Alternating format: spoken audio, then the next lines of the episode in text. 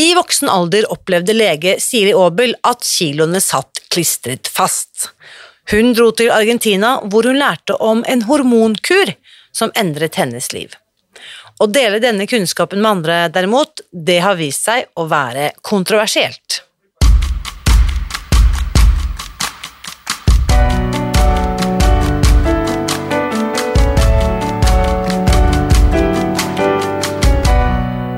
Mitt navn er Irina Lie. Jeg er journalist og forlegger, gründer og sosial entreprenør. I 2015 spiste jeg meg fri fra overvekt og fedme etter å ha slitt med vekt, kropp og følelser i nesten 30 år. Etter at jeg knakk koden, ga jeg meg selv et nytt oppdrag – å dele denne kunnskapen med alle som trenger det. I denne podkasten kan du derfor høre hele lydboken Spis deg fri. Den finner du ved å bla deg tilbake i arkivet og lytte til første sesong. Hver uke inviterer jeg nå gjester som gir deg påfyll til hodet, hjertet og magen. For min visjon er å endre Helse-Norge, og det får jeg ikke til alene. Du bidrar ved å abonnere på podkasten, skrive en omtale i iTunes og tipse meg om hvem jeg burde invitere hit. Da setter vi i gang med ukens episode. Spis mindre og beveg deg mer. Det er helsemyndighetenes fremste råd til deg som sliter med overvekt og fedme. Jeg tenker at det er ikke så enkelt. Tvert imot, vektnedgang er faktisk helt umulig hvis du forsøker å følge det rådet. Det er derfor så mange ikke får det til, og dessuten så er det jo ikke sånn at én løsning funker for alle. Løsningen du skal få høre om i dag, den baserer seg på andre prinsipper enn de Spis deg fri-metoden baserer seg på. Og som journalist så kan jeg formidle denne kunnskapen til deg i denne podkasten helt risikofritt. Men jobber du som lege eller helsepersonell derimot, kan det få store konsekvenser hvis du snakker høyt om løsninger som går på tvers av myndighetenes anbefalinger. Det fikk Siri Aabel erfare da hun veiledet sine pasienter om hormon, hormonkuren som hadde endret hennes liv. Her er ukens gjest. Kjære Siri, velkommen til podkasten. Takk. Utrolig hyggelig, for vi er jo da Det er jo ikke alltid at jeg har anledning til å møte gjestene mine på ekte, men nå sitter vi her sammen i lydstudio, og det er kjempehyggelig å ha deg her. Velkommen. Mm, veldig hyggelig å være her også. Takk. Altså, jeg har jo hatt ønske om å snakke med deg i flere år, faktisk, siden første gang jeg hørte om deg. Først som bare vanlig nysgjerrig måtte holdt opp å si, pasient i helsevesenet, men nå også etter at jeg har lest mer og, og hørt mer om hva du har jobbet med gjennom mange, mange år som lege, så er jeg utrolig glad for at du er her. Og vi må begynne Du er jo lege, da. Mm. Kan du fortelle litt om, om bakgrunnen din? Eh, hva var det som fikk deg inn i legeyrket? Ja, det var Det har jeg tenkt på mange ganger. Jeg har skrevet et lite stykke om det. Det var vel eh, ja, at jeg ble inspirert av speiderlederen, faktisk. Da Yes. jeg var i speideren da jeg var 14 år, og, og var veldig Jeg syntes det var gøy med alt sånn Hva skal vi si Sånn utearbeid, og vi måtte jo hugge ved og gjøre gjøre sånne ting for å bygge opp denne leiren, da. Og så var det sånn at min venninne hugget seg i kneet, og så var speiderlæreren vår, hun var faktisk lege, og hun tok henne bare liksom inn i teltet og sydde henne sammen der og da. Det ble et stort kutt. Det gjorde veldig inntrykk på meg. Så tenkte jeg bare oi, det var stilig. Det, sånn har jeg lyst til å gjøre også. Wow. Kunne hjelpe sånn på stedet. Ja. Men jeg har aldri vært inne i akuttmedisin. Men eh, jeg, jeg jobbet ikke så mye på gymnaset at jeg hadde gode god nok karakterer til å komme inn, da. Men jeg visste at jeg hadde lyst til å studere medisin når jeg, jeg var på videregående. Så jeg måtte jo ta artiumen om igjen. Var i Tyskland et år, jobbet på sykehus, og så ja. ja. Og så ble du lege. Så begynte jeg å studere. Ja. Altså, jeg hørte om deg for første gang for flere år siden i forbindelse med det legesenteret du har drevet på Vinderen i veldig mange år, Green Doctors, som sikkert, sikkert mange kjenner til. Men hvordan, før du gjorde det, hva var bakgrunnen din? Har du jobbet på øh, som fastlege eller øh, som på sykehus, eller hva? Nei, da jeg var Jeg bare hoste litt, unnskyld. Da jeg var ferdig med turnus, så hadde jeg egentlig lyst til å komme inn i allmennmedisin. Ja. Fordi jeg hadde en veldig inspirerende lege i distriktsturnus, og han var sånn her og nå-lege. Han gjorde alt, og han ja, så han inspirerte meg veldig. Det var i Lardal. Eh, den gangen var det jo ja, ikke fastlegeordning, da, men jeg hadde lyst til å komme inn i allmennpraksis. Men så, så var det et eh, utlyst et vikariat på øyeavdelingen, og øyefaget likte jeg veldig godt, fordi Ja. det var sånn teknisk, og jeg har alltid likt å strikke og brodere og sånn, så jeg begynte jo der, på øyeavdelingen.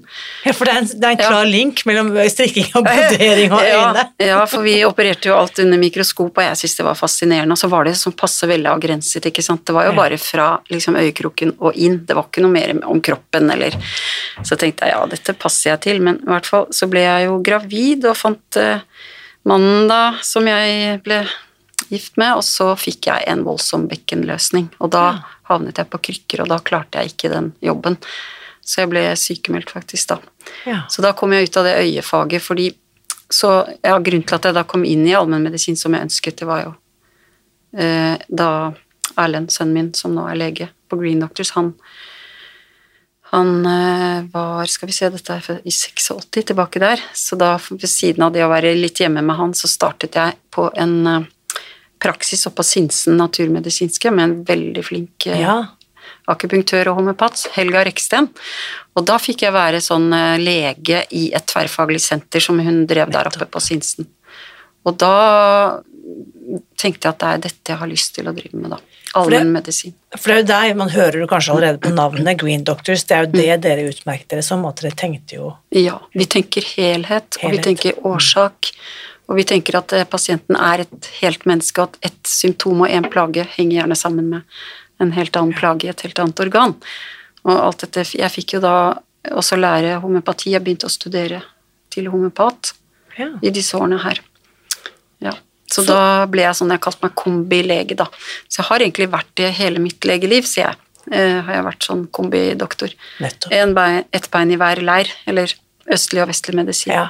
Og østlig og vestlig er jo en måte å si det på, Mm. men det, ofte refereres det jo til som alternativ behandling, eller Mm. alternativ medisin. Det er egentlig litt rart at vi i det hele tatt skal tenke på det som alternativt. Ja, men ja, det ordet har jo på en måte faset seg ut nå, for vi kaller det komplementære behandlingsformer. Ja.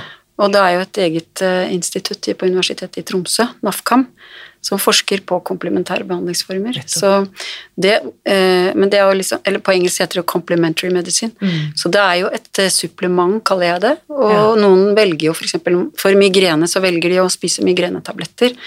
Men så kan de også velge å gå til akupunktur tre ganger i uka, sånn at de holder de verste anfallene liksom, At ikke det blir så intenst. Da. Så jeg er for en kombinasjon. Ja. At man velger det som er best for pasienten, med minst mulig bivirkninger. Og Så jeg kan bare legge til, apropos migrene, fordi at eh, enkelte opplever også at migrenen forsvinner når de kutter ut sukker. For eksempel. Sant? Det er jo bare så vanvittig mange veier til mål. Mm. Um, og eh, hvordan er dette blitt eh, mottatt av, la oss si, studievenner, myndigheter, også det arbeidet som Green Doctors har gjort, eh, det å tenke helhetlig, da. For det har jo ikke vært ukontroversielt, det heller. Nei, det, du kan, jeg, tenker at det er nok ehm, Kanskje ikke 50-50, men en del fastleger sender jo faktisk pasienter til oss og har hatt et samarbeid med meg, og det der må du gå til Siri med, for hun kan det med kosthold, kan de si Ja. f.eks. til pasientene sine.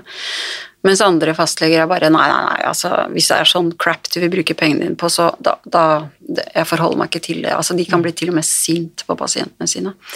Så det er jo det, det er jo kanskje akkurat sånn som det har vært nå de siste ti årene, men før det så, så var det veldig lukket, syns jeg. Og jeg har ikke så veldig mange legekolleger, venner, Nei. fordi at vi er i, så forskjellige verdener, da. Ja. Ja, så jeg har flest eh, venner blant de såkalte de alternative. Akupunktører, homeopater.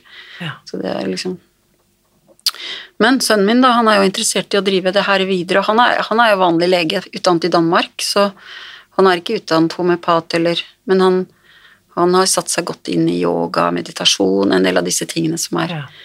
litt mer akseptert, da. Mm. Ja, Men er veldig opptatt av kosthold og kostveiledning og finne ut av hva som foregår i tarmen osv. Altså, vi må jo bare være så glad for at liksom, de store megatrendene de siste ti årene har jo gått i retning altså østover, for å Mm. Ja. kalle det det. da. Ja. Så det å si at jeg benytter meg av f.eks. akupunktur eh, for å ta hånd om det som tidligere ville blitt behandlet med antibiotika. Jeg vet ikke, Sånn som jeg hadde jo kronisk urinveisinfeksjon gjennom, et, gjennom hele 20-årene, og så ramlet jeg tilfeldigvis ned i stolen hos en uh, akupunktør. Eller på benken til, må jeg vel egentlig si. Og ble altså kvitt kroniske Et tiår med antibiotikakurer kunne jeg sette stopp for med akupunkturbehandling. Mm. Og det skulle jeg tro at er i skolemedisinens interesse også å lære mer om. Og være åpne for. Mm. Ja. Hva, hva da, eh, da, da For å besvare min egen tankerekke her, liksom Det er jo kanskje mye En stor trussel mot en, en stor medisinsk industri. Hvis vi Er, er, det, er dette for kontroversielt, eller? Nei, det, jeg kan godt si det rett ut. Det er absolutt bare Big Pharma som styrer hele det medikamentelle regimet, både i Norge og ellers i, i verden, da. Det er jo det. Og det, det, vet jo leger også, fastleger også. De er på en måte styrt inn i et system som de på en måte De kan ikke komme seg ut av det, for det er regler for hva vi skal behandle de forskjellige sykdommene med. Vi har ikke ja.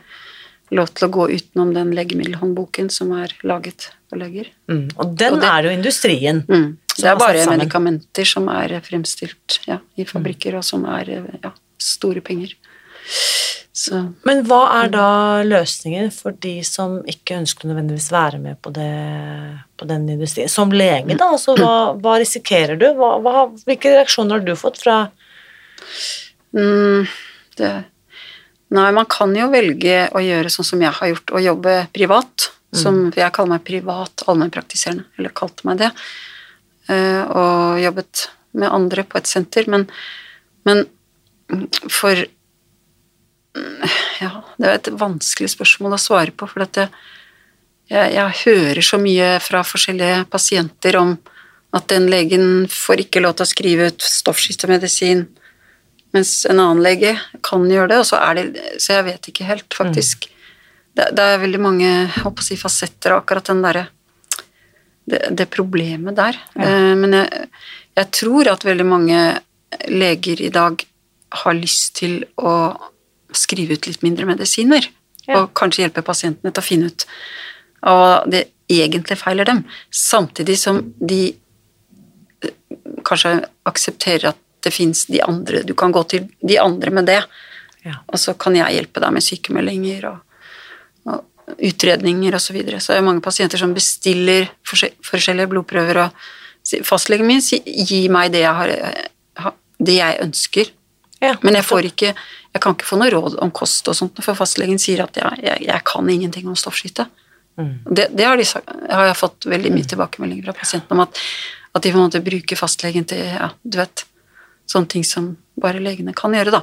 For eksempel rekvirere røntgen og MR og alle disse undersøkelsene og skrive ut mm. medikamenter.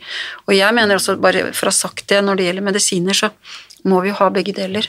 Jeg, jeg er absolutt ikke imot medikamenter, og det er mange som er eh, velsignet og takknemlige for at det fins smertestillende, og at det fins astmamedisiner, og at vi faktisk eh, av og til trenger sånne ting. Yes. Ja.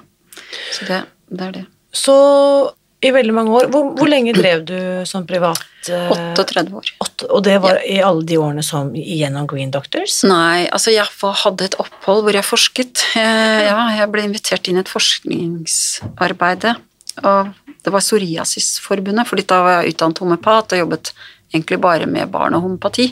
Men jeg var jo lege også da. Det, det var én periode. Og da husker jeg det kom en eh, fra Norsk Psoriasisforbund og lurte på om ikke jeg ville lage en forskningsoppgave på homopati og psoriasis. da. Ja. Så det var liksom inngangen til at jeg kanskje tenkte hm, det å kunne forske er jo litt spennende, og i og med at jeg hadde begge utdannelsene, både mm. lege og homopat, så fikk jeg stipend i Norges forskningsråd. Ja. Og det jeg håper å si det kunne vi snakket om i en annen sending, fordi det var eh, noen veldig vanskelige år. Fordi det, det var jo den tiden hvor man skulle åpne for at ja, la oss se litt på dette med såkalte alternative behandlingsformer. Er det noen virkning, ikke sant? Og ja.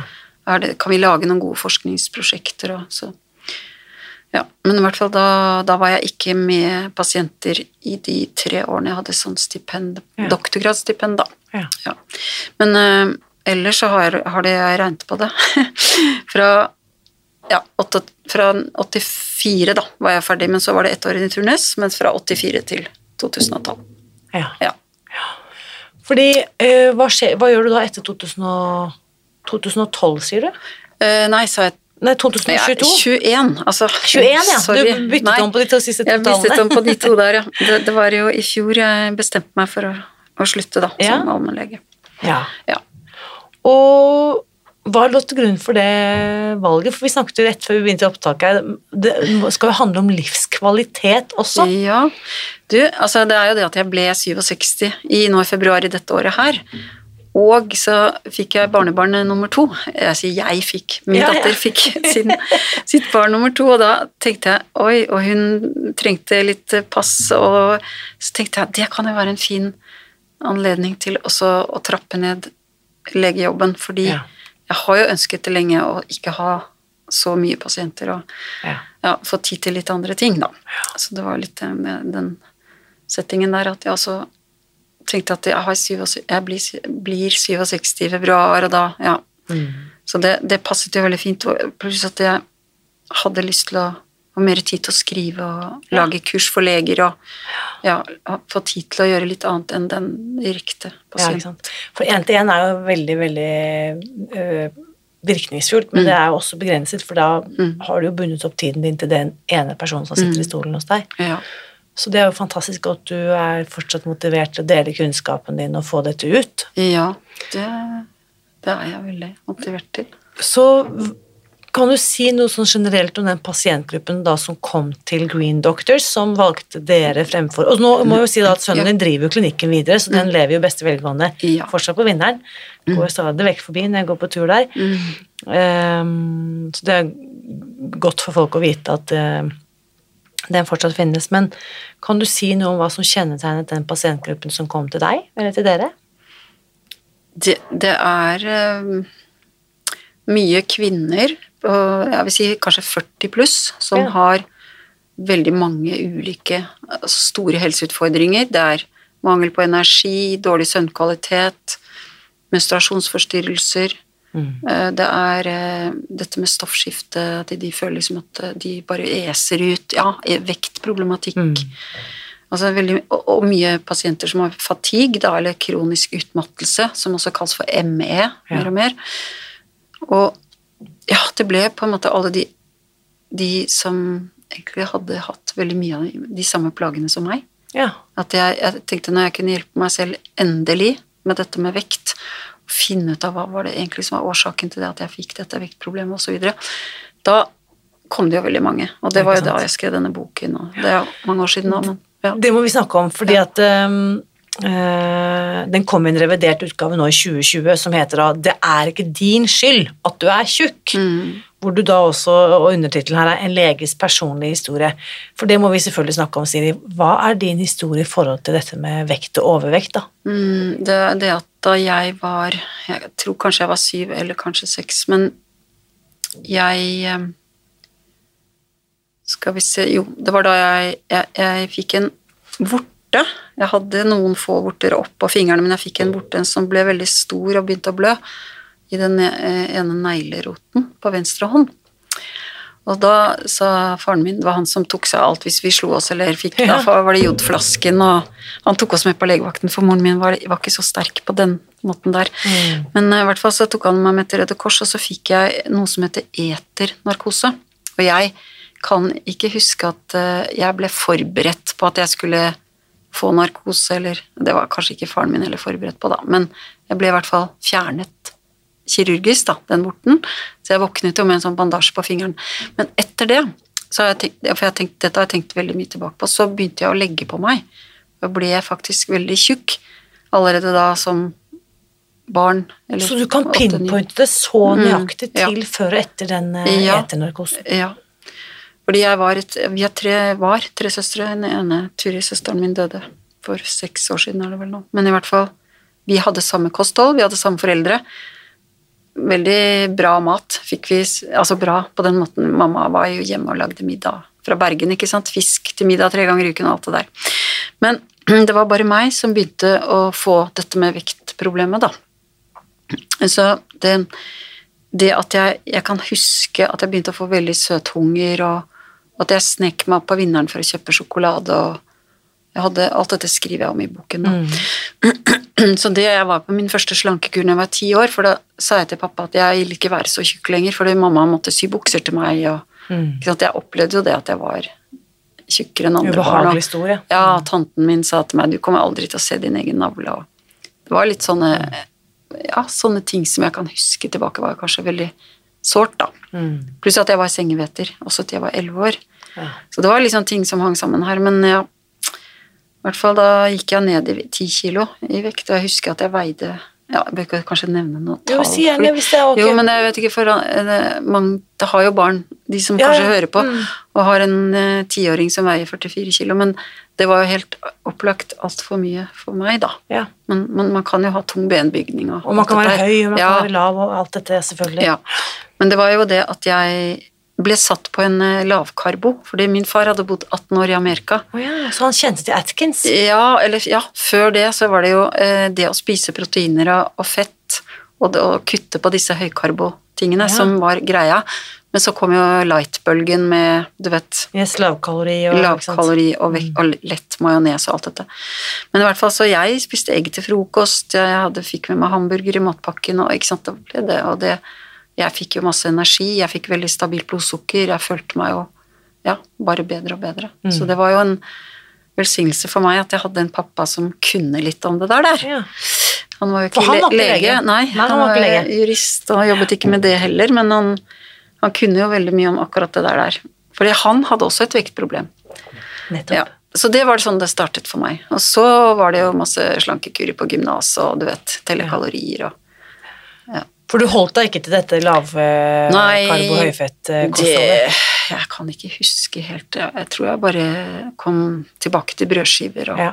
Så hvor I voksen alder, hvor hvor på en måte ender vekthistorien din? Hvordan Ja.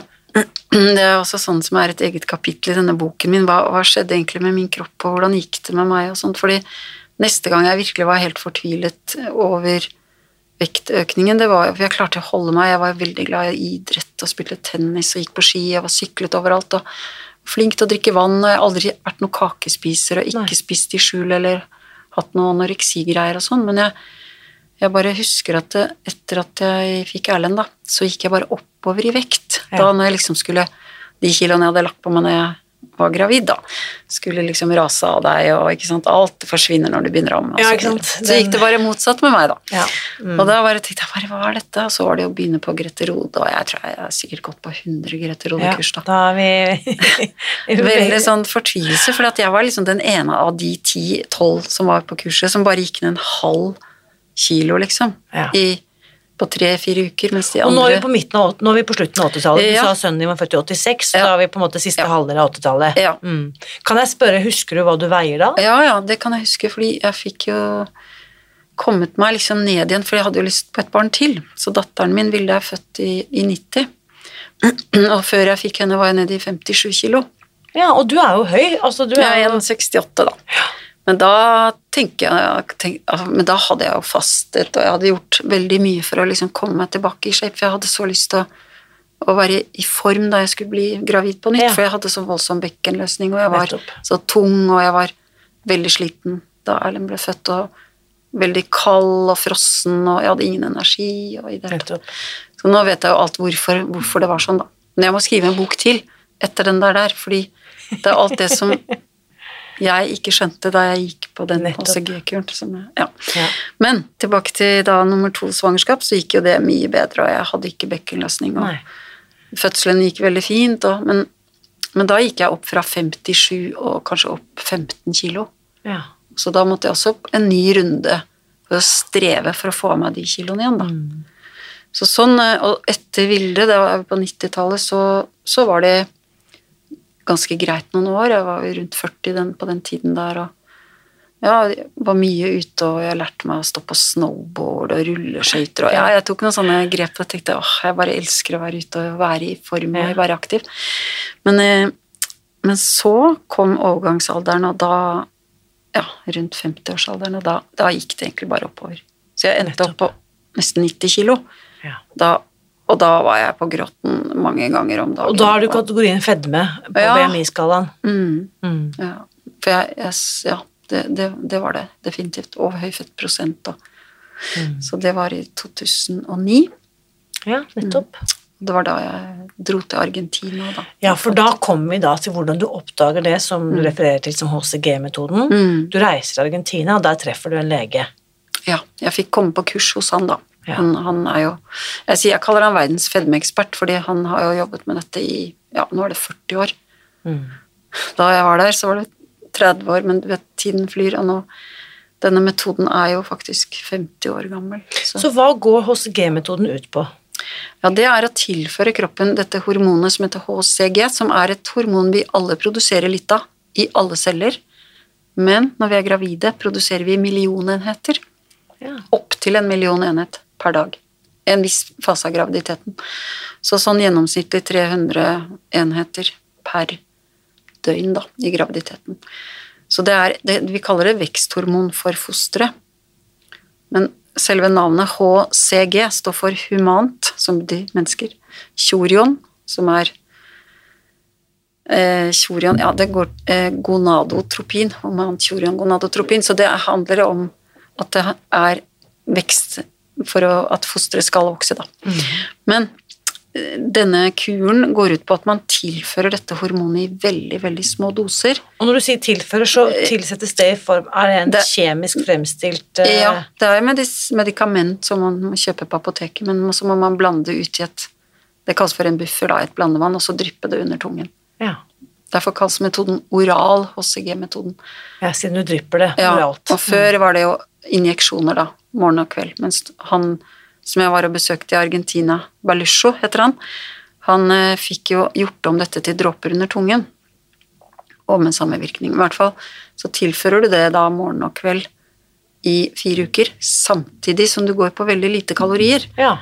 Og det, det er 500 kalorier, og det, det skal jo ingen spise så lite, for det er jo, jeg håper å si, ikke nok mat til noen å klare seg. Altså, 500 kalorier, hva det- snakker vi om da? Da snakker vi om en eh, salat og et par tomater og kanskje en eh, et par nøtter, liksom? Mm, Nei, det er litt mer enn det. Men det er det, er det som står beskrevet i Ja. Ja, det er eh, 200 gram protein, eller proteinholdig Ja, okay, mat. For Okay, eh, mm. kylling, rostbiff ja, mm, og så Og så er det grønnsaker eh, som vokser over bakken, da. Salater. Mm. Ik ikke disse rotgrønnsakene. Og så er det tre frukter. Eple, appelsin. Ok. Det utgjør 500 Greit. kalorier. Men det er ikke Et noe fett måltid, der. Ikke noe fett. Nei, for det liksom, som er det magiske, jeg vil bruke det ordet, med denne metoden, er at når du får den HCG-en inn i blodet, og det er jo dette man benekter at dette ikke er mulig, da. Blant annet fordi det ikke kan tas opp gjennom tungen, men det viser seg at det gjør det. I hvert fall når du tilfører det hormonet sammen med lite kalorier, så vil kroppen starte å forbrenne det fettet som er Nettopp. lagret seg på kroppen der hvor det ikke skal være. Og for meg var jo det det var jo det, Jeg trodde jo ikke på dette. her, Jeg var i Argentina den uken, og jeg leste alt jeg kom over, og jeg skrev litt grann inn på PC-en når jeg kom hjem til hotellet om kvelden, og jeg bare var så dødsnysgjerrig på å begynne å prøve det. Så jeg tok det jo med meg hjem. Jeg fikk det med meg hjem og legeerklæring at jeg For det er jo hormoner som Du kan bli tatt i tollen, ikke sant. For Ah, okay. ja, det er jo sånn, du vet, anabole greier. Nettopp. I hvert fall så kom jeg jo hjem og begynte, og så, så jeg hadde jo Mitt vektproblem størst var jo at jeg hadde så store Bukfett. Ja, nei, ikke Ja, der også. Hadde stor mage, men også veldig store lår. Og rumpe og lår. Ja. Det var jo sånn størrelse 54 her, og så har jeg alltid vært tynn i ansiktet. og Ja. Ganske, ja, vi sier smal Ja, oventil, da. Så jeg tenkte, kan det være mulig liksom at det fettet kan forbrennes der? For det var alltid på slankekurs, så gikk jeg bare enda mer ned i overkroppen. Og enda smalere ansikt, Og smalere, og sant, sånn, og så var det fortsatt bred over baken, liksom. Ja. Ja. Mm. Og det var jo det som skjedde da. Så det var jo en, en slags Ja, et mirakel at det faktisk var sånn som det sto i boken. At, Så hvor mye går du ned da? altså, vi gjennomsnittlig kom man ned ti kilo på på en sånn fireukerskur, men så kommer det vi kaller vedlikeholdsfasen, da, hvor man skal opp i kalorimengde og ikke ta medisin lenger. Det er tre uker.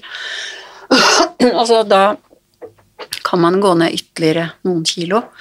Så jeg sier fra 8 til 16 kilo er det vanlig på en Ja. sånn kur, da. Hva gikk du ned? Jeg gikk ned 10, akkurat det som han hadde forespeilt meg. Og så hadde jeg jo veldig lyst til å gå ned 20, egentlig. Men 15 Jeg sa jeg er overlykkelig om jeg kommer ned 15 kilo. Så da gikk jeg en kur til utover eh, høsten, eller kanskje helt Jeg måtte vente helt til november, jeg fikk ikke tak i medisiner. Så da gikk jeg første runden i august, og så gikk jeg i november, så var jeg liksom ferdig i 20 Nei, 2009 ble det. Ja, da, akkurat da, på slutten av året der. Samme måned som mitt barnebarn nummer én ble født. Ja. Så datteren min gikk jo med millionenheter av HCG i blodet, mens jeg holdt meg på de 250. De som du trykket under tungen. Ja. Så totalt vekttap da hos deg endte 17 på kilo var det. 17 kilo ned. Ja, det- Betyr det da at du har holdt de kiloene av? Ja, altså det har vært eh, litt interessant for meg å følge med på. Liksom det, hvordan har dette vært, og hvor mye skyldes det andre faktorer, ikke sant. Fordi veldig mange som har et vektproblem, har også store utfordringer med mat. Altså intoleranse. Så da skjønte jeg jo etter hvert også at det var en del ting jeg ikke kunne spise. Ja, Som ville gjøre at jeg kunne gå opp igjen i vekt. Og det har jeg lyst til å skrive en bok om nå. nettopp. Det f.eks. med gluten. Is gluten making me ill? Altså, det er jo veldig kjent at Yes. gluten også kan gi vektproblemer. Så det tåler jeg ikke, og det spiser jeg aldri. Og så er det melkeproteinet, kasein. Det er, det er liksom blitt min håper å si, plaggsak. Og de, de tingene der gjør at man ikke eh, får balanse i fordøyelsen. nettopp. Ja, altså det er litt mye å gå inn på, men jeg har vært sånn opp og ned fra, la meg si 75 til 70, rundt der. Men jeg kom jo ned til 71, eller ja, da jeg var ferdig på kuren, da. Ja. Men så har det jo også litt å si hvor mye jeg trener. Selvfølgelig. Og så opplever jeg også For jeg har jo nå Det er jo syv år siden, da, til vinteren, at jeg gikk ned all min overvekt. Mm, Og at det fluktuerer med ja, sesongen òg. nettopp. Ja. Så Ja, spennende. Så dette er jo ikke ukontroversielt, det du sier her, å bruke dette hormonet. Fordi at det, så vidt jeg har skjønt, så brukes det også i fertilitetsbehandling av kvinner Ja. som ikke kan få barn. Ja. De får tilført dette hormonet. Det er vel det det legemiddelet er skapt for. ja. Så hva skjer når du begynner å skrive ut dette? For det, dette har jo du veiledet pasienter på også. Mm. Eh, Hva skjer da? Eh, Hvordan blir det tatt imot av myndighetene når du begynner å skrive ut resepter på HCG? Ja, det var det jeg ville ønsket jo å gjøre når jeg kom hjem fra Argentina. Så gjorde jeg det selv først, og så så jeg at det virket, og at jeg fikk på en måte tilbake kroppen min, da. Normal størrelse. Jeg var størrelse 40, liksom, i bukser, og plutselig passet jo de gamle klærne som jeg ikke hadde kastet. Og eh, jeg tenkte at jeg, jeg har så lyst til å hjelpe noen pasienter, så det var særlig én pasient som gjorde at jeg satte fart i, i det, hun, for hun ville bare dø. For hun hadde gått opp fra 59 og vært sånn spretten hestejente, slank, og så begynte hun på p-piller som 16-åring, og så gikk det bare helt opp til 90 kilo, så hun Det var henne som faktisk eh, fikk meg til å virkelig ta tak i det og få, få dette til Norge, da. Så det klarte jeg jo å få laget denne bufferen og på apoteket, og så begynte den snøballen å rulle da. En apotekansatt meldte meg til fylkesmannen, og det er jo det som jeg skriver om i boken min, den første boken da, fra 2015, at myndighetene begynte liksom å tracke meg, og hva det jeg driver med, liksom. sånn. Så hva var det apotekteknikeren varslet deg for? Hva er det Ja, det var at eh, de, eh, hun hadde de, de fikk jo ut HCG da, på mine resepter, og jeg hadde sjekket med Statens legemiddelverk, og det var jo skrevet ut på en annen indikasjon enn enn, eh, sånn infertilitet, som du nevnte. Og jeg var jo åpen om alt, ikke sant, og, og så var det dette blandevannet som de også lagde på apoteket, og, og dosene var jo, ja, ikke sant, i forhold til det de får injisert når de er på infertilitetskur, eller såkalt hormonkur. Altså det, jeg kan bare nevne tallene. Der er 15 000 enheter rett i muskulaturen. Rett i åra. Rett i åra. Ikke rett i blodet, men det setter i mageskinnet, da. Men så mot eh, det som du har på kuren, så er det 250 enheter under tungen. Og mange mener jo også at det tas ikke opp engang, fordi at de molekylene er for store, osv. Men i hvert fall, det jeg ble hun, hun, det var ikke en apotektekniker, men en farmasøyt, da. Ja. Hadde lest seg opp, som det heter, på Google, At uh, dette her var farlig, og i USA var det helt ville tilstander, og HCG var farlig, osv. Og, så og at uh, de var jo ikke spesielt overvektige, de som kom og hentet ut dette her, mente hun da. Så det var det brevet til fylkesmannen som eh, Jeg fikk jo kopi av det når jeg Ja. fikk et brev fra fylkesmannen at jeg måtte forklare hva jeg holdt på med. Og det gjorde jeg. Som lege med ikke sant? Man må jo ha lisens for Ja. å kunne drive altså, Hvordan føles det når liksom hele, virke, hele yrket ditt blir truet på den måten? For det må jo oppleves veldig Åh, spennende. helt krise. Ja, jeg var bare Jeg var så stressa, fordi at jeg har jo aldri skadet en pasient eller gjort noe galt. Jeg har heller vært nesten motsatt. Altfor Ja, forsiktig. forsiktig og, og det bare sant, så redd for bivirkninger. Jeg har brukt masse legemidler selv. Jeg, jeg var jo på fem forskjellige legemidler når jeg begynte å studere eh, til lege. da. Så? Det heter vi studerer å studere medisin, og det er akkurat det vi gjør. Vi studerer medikamenter. Men jeg var, jeg har alltid vært veldig forsiktig med og tatt meg god tid til å lytte til pasientene for å ikke gjøre noe galt. Så da jeg fikk et sånt brev, det, var et sjokk, altså. Ja. Det var virkelig et sjokk. For at jeg, jeg, hun hadde jo misforstått alt. Det, det Ja, det er detaljene er litt Jo, jo, men det, da må du rett og slett forsvare deg. Da blir dette på en måte en slags Ja, eh, ja. rettergang, holdt jeg på Ja, å si. ja. Og det var det. Mm. Så, men er det på noe tidspunkt noe fare for at du kan miste legelisensen din oppi dette her? Ja, det var jo det som skjedde da. At jeg fikk dette brevet fra fylkesmannen, og det var jo allerede i 2011. Jeg måtte levere inn alle journaler, og det ble full etterforskning, da, hvis man kan bruke det ordet. Og jeg eh, fikk jo eh, advokat i Legeforeningen, og alt, mm. men det, det pågikk faktisk i to år. Men det endte jo med en advarsel. Og hvis du får mer enn to advarsler, så ryker lisensen. Så den, akkurat den prosessen der, jeg kan godt kalle det en hekseprosess, den har jeg skrevet om i boken. Ja. Den første, men den nummer to Det var her første utgaven av Ja. denne boken som heter Ja. at det er ikke din skyld at du er tjukk, og som har kommet i revidert utgave i 2020, Ja. hvor du på en måte har utelatt den hekseprosessfortellingen. Ja, ja, for jeg vil at dette skal eh, komme positivt ut da, til Yes. folk. Og det er jo noe som virker og både virker og varer, og, og det er et eh, absolutt et, jeg vil si, number one choice i, fremfor slankeoperasjoner. Så jeg mener jo at myndighetene, og det kan jeg godt si, jeg holdt å si høyt nå i en podkast, at eh, har de myndighetene faktisk, eh, eller jeg sier Helsetilsynet, da, lov til å nekte en sånn metode som faktisk er uten bivirkninger og uten Det er altså ingen fare forbundet med det. Har de lov til å unndra det fra det norske folk?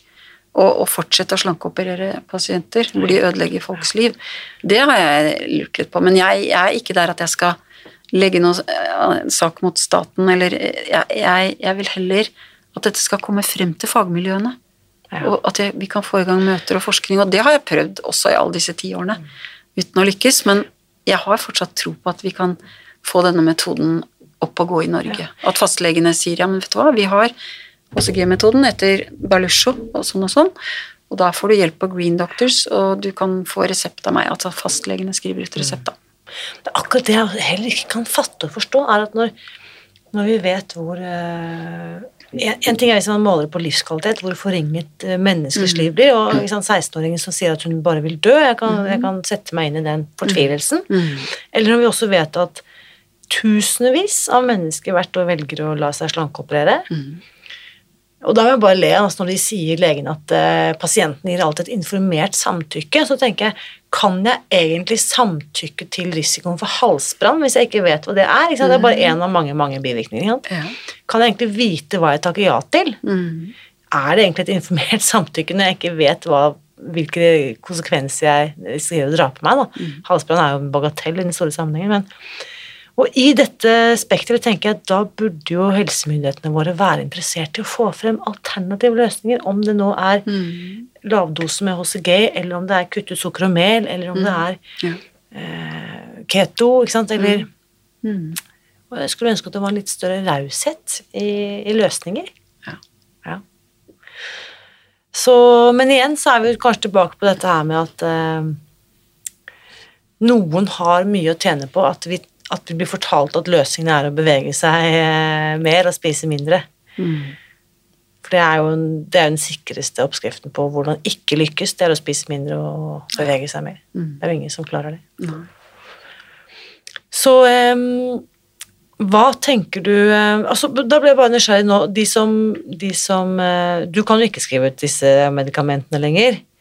Uh, Men er det da leger som fortsatt gjør det, eller hvordan er det? Ja, ja, det er det. Ja. Det er mange leger som har gjort det i alle disse årene. Så, men akkurat hvor mange vet jeg ikke, men jeg vet at Nei. pasienter får hjelp av fastlegene. Og, Ja. Så det er, og det skriver jeg også i, i innledningen i den boken nummer to her, at eh, det er hjelp å få, og at det er mange fastleger som gjør det. Og jeg selv har hjulpet eh, ja, er det 15 leger som har vært hos meg med Ja. sitt eget vektproblem.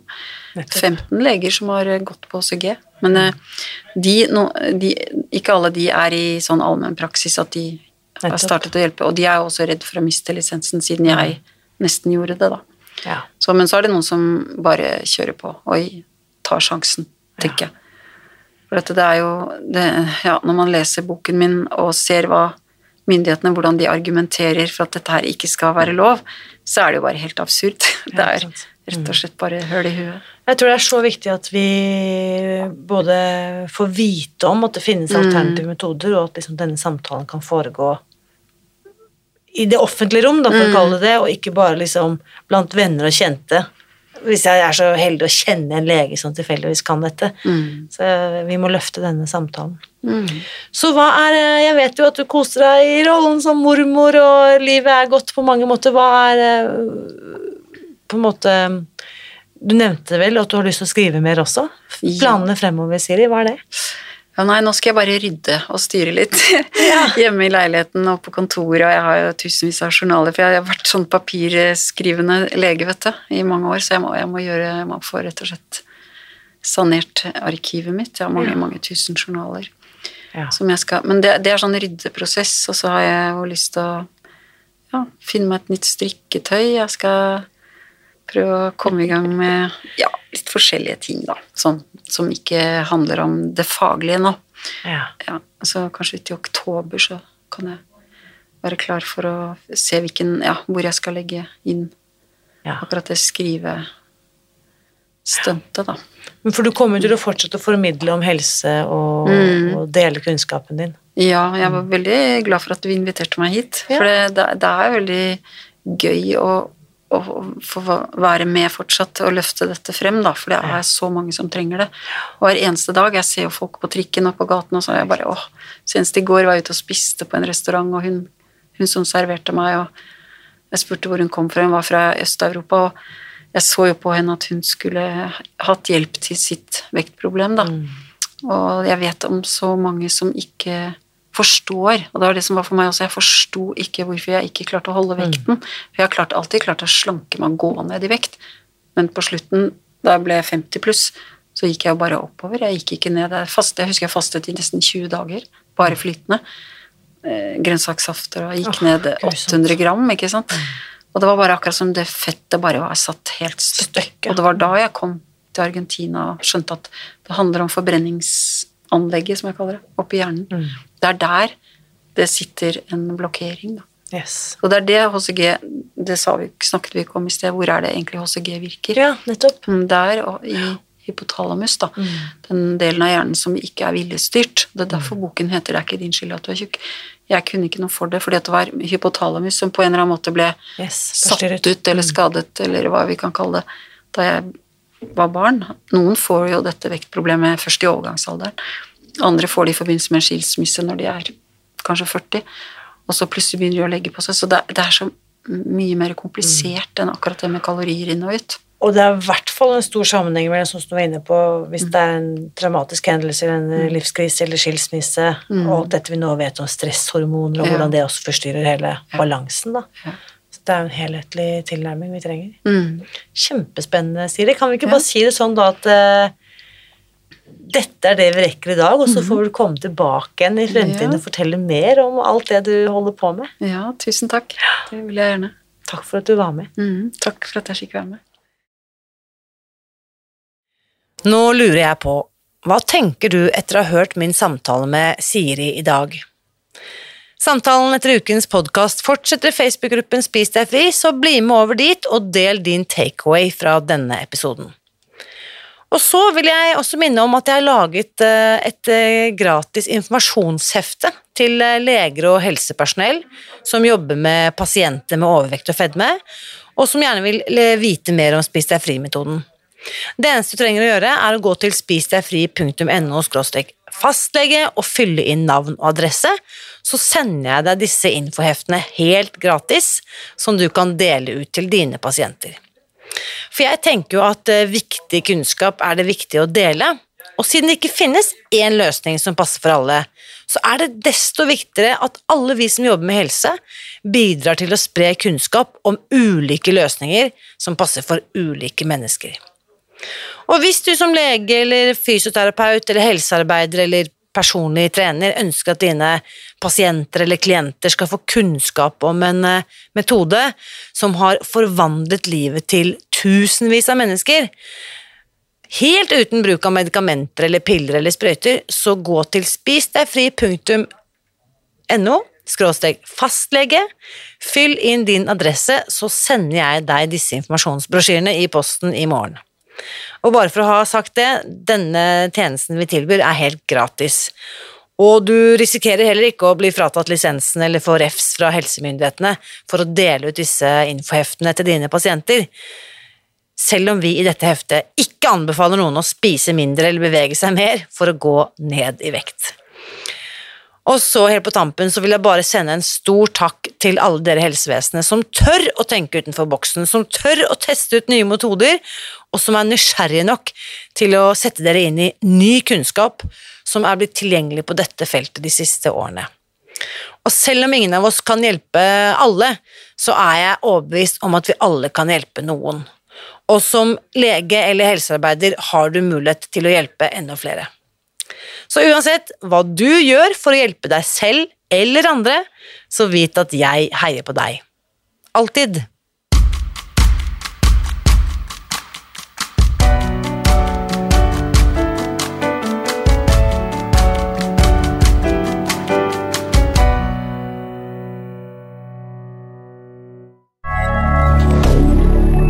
Media.